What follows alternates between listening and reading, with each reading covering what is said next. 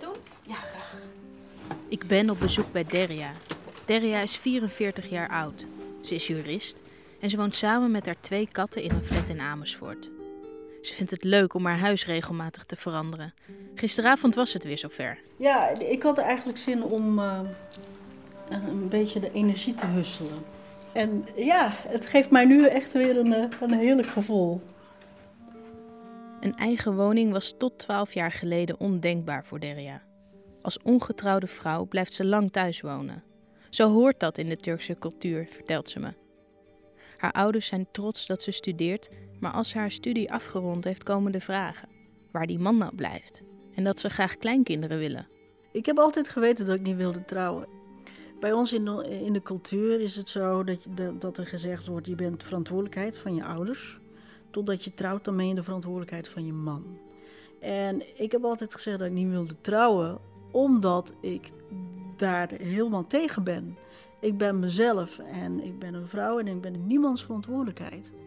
Maar er is nog een reden waarom Derja niet wil trouwen. Ik ben verliefd geweest op uh, mijn kleuterjuf. Gewoon een beetje zwijmelen en uh, ah, leuk. En uh, altijd bij, bij die vrouw, je vrouw willen zijn. En ja, daar heb ik al heel lang niet over gedacht. Oké, ik word er een beetje verlegen van. Na de kleuterjuf volgen nog meer vrouwen die ze leuk vindt. Maar het duurt tot haar 29ste voor echt tot Derja doordringt dat ze lesbisch is. En vanaf dat moment wil Derja de wereld in. Vrouwen ontmoeten, verliefd worden. Maar in de Turkse cultuur ligt dat niet zo gemakkelijk. Ze vertelt me over een boek waar zij mee heeft gewerkt. Ik ben Turkse en ik ben lesbisch, heet dat. Daarin lees ik het verhaal van Burcu, die door haar moeder met een mes bedreigd werd toen ze vertelde dat ze op vrouwen viel. En van Esra, die moest onderduiken voor haar familie. Derja besluit het haar ouders niet te vertellen. Maar er moet wel iets veranderen in haar leven. Ze denkt bij zichzelf: Ik kan nou twee dingen doen. Ik kan of wel bij mijn ouders blijven en mezelf onderdrukken, of ik kan uit huis gaan en mijn eigen leven gaan leiden. En toen heb ik een list bedacht. Derja moet haar ouders overtuigen dat het nodig is om te verhuizen. En daarom zoekt ze een baan ver weg. Op zich, mijn nieuwe werk was drie kwartier verderop met de auto. En dat is op zich goed te doen. Ik bedoel, er zijn mensen die anderhalf uur reizen, maar dat hoefden zij niet te weten. Uh, wat ik gedaan heb, is eigenlijk extra vroeg uit huis gaan, uit, uh, naar werk gaan. Als ik klaar was met werk, dan ging ik nog ergens bij de Mac of wat dan ook uh, een bakje doen. En, uh, en vertrok ik dan zogenaamd heel laat van werk, omdat ik ja, een beetje de smoesje van ja, files en lastig en oh, wat ben ik moe. Het werkt. Derja's ouders zien dat ze oververmoeid raakt van de lange dagen. Het is tijd voor stap 2. Als haar ouders voor een jaarlijkse vakantie naar Turkije zijn, gaat ze op huizenjacht. Ik dacht, nou ja, als zij precies weten waar ik mee bezig ben, dan is er kans dat ze het vliegtuig instappen om mij te gaan tegenhouden of zo. Dus wat deed ik? Ik vertelde hen wel eerlijk waar ik mee bezig was, maar altijd een stap eerder dan, dan waar ik mee echt mee bezig was. Dus op het moment dat ik zei dat ik aan het zoeken was, was ik eigenlijk al aan het bezichtigen. Op het moment dat ik uh, aan het bieden was, was ik voor hen in hun ogen pas aan het uh, bezichtigen. En uh, alles was geregeld en uiteindelijk heb ik dus gezegd, ja, ik heb nu een huis gekocht. En dan komt de verhuizing. Ook die gaat stap voor stap.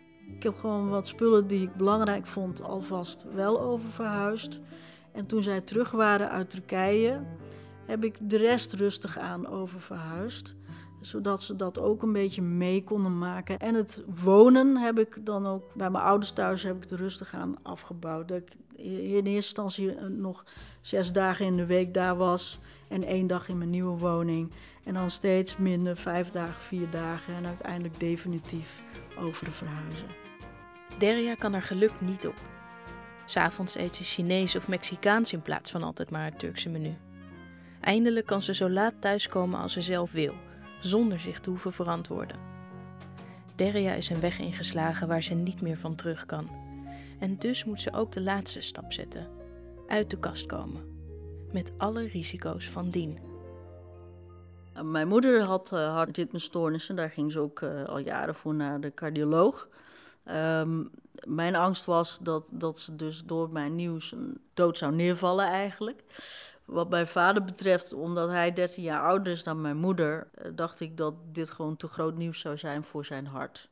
Haar ouders horen het nieuws uiteindelijk van haar broer. De eerste reactie van mijn moeder was, en dat heeft mijn broer mij verteld, ik had liever gehoord dat ze kanker had. Ik kon, uh, ik kon eigenlijk niks uitbrengen toen ik dat hoorde. Een paar weken later gaat Deria langs bij haar ouders. We zaten in de woonkamer. Mijn moeder, zoals altijd, voerde het woord. Mijn vader, uh, die zei helemaal niets, maar keek me gewoon op een rare manier aan. Ik heb die blik nooit bij hem gezien. Het beangstigde me wel.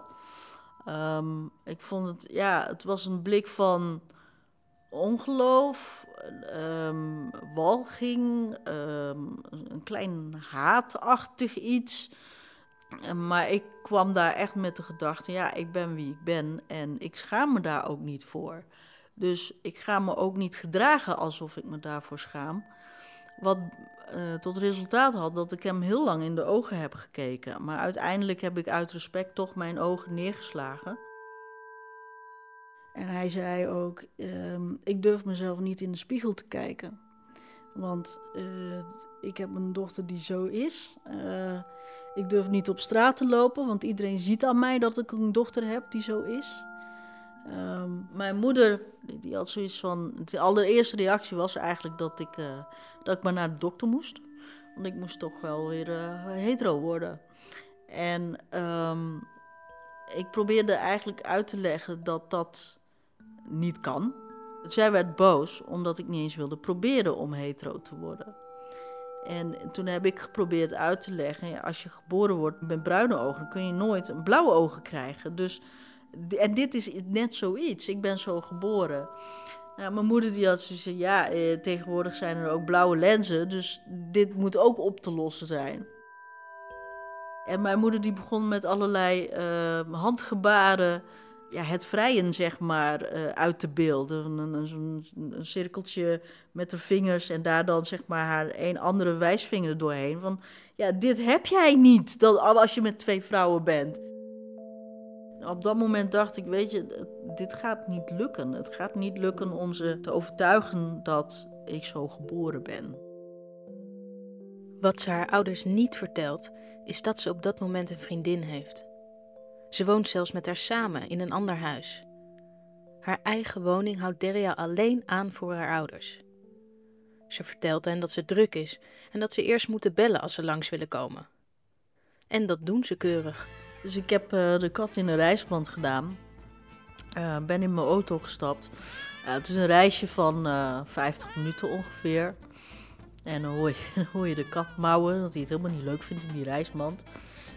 Uh, toen heb ik meteen een emmer gepakt en, en, en wat doeken en een beetje zitten schoonmaken. Een beetje afstoffen, want ja, dat was wel weer stoffig geworden. En dan kwamen ze en dan was het gezellig en, en dan gingen ze weer weg. En dan pakte ik meteen de kat. Gingen we weer terug, die 50 minuten waarin hij weer ging mouwen dat hij het allemaal niet zo leuk vond. ja, in die auto onderweg uh, heb ik toch wel gedacht, waar ben ik in hemelsnaam mee bezig? Maar haar ouders hebben niets door. En zo blijft Deria op en neer rijden met haar kat. Jarenlang. Haar vriendin vindt het lastig dat ze een geheim is. Maar heeft ook begrip voor Deria's situatie. Na tien jaar loopt de relatie toch op de klippen. Deria kan het verdriet niet met haar ouders delen. Die doen alsof er nooit iets is gezegd. Ze is uit de kast gekomen, maar één keer is blijkbaar niet genoeg. En dus probeert Deria het nog een keer. De dag van de Gay Pride heb ik een stukje op Facebook gezet um, over jezelf kunnen zijn. Waar je heel duidelijk kan lezen dat ik op vrouwen val. Ik heb nog niks gehoord vanuit mijn ouders, dus ik weet niet. Uh, of, want er zijn ook oude buurvrouwen die, uh, die dat gelezen hebben. En mijn hoop is eigenlijk dat ze nu wel zover zijn dat ze kunnen zeggen ja, en? Of zo. Dat ze zich ook een beetje afzetten. Um, omdat ze gemerkt hebben, hoop ik, dat de dochter die zij hadden voordat ze dit wisten, nog steeds de dochter is die zij hebben.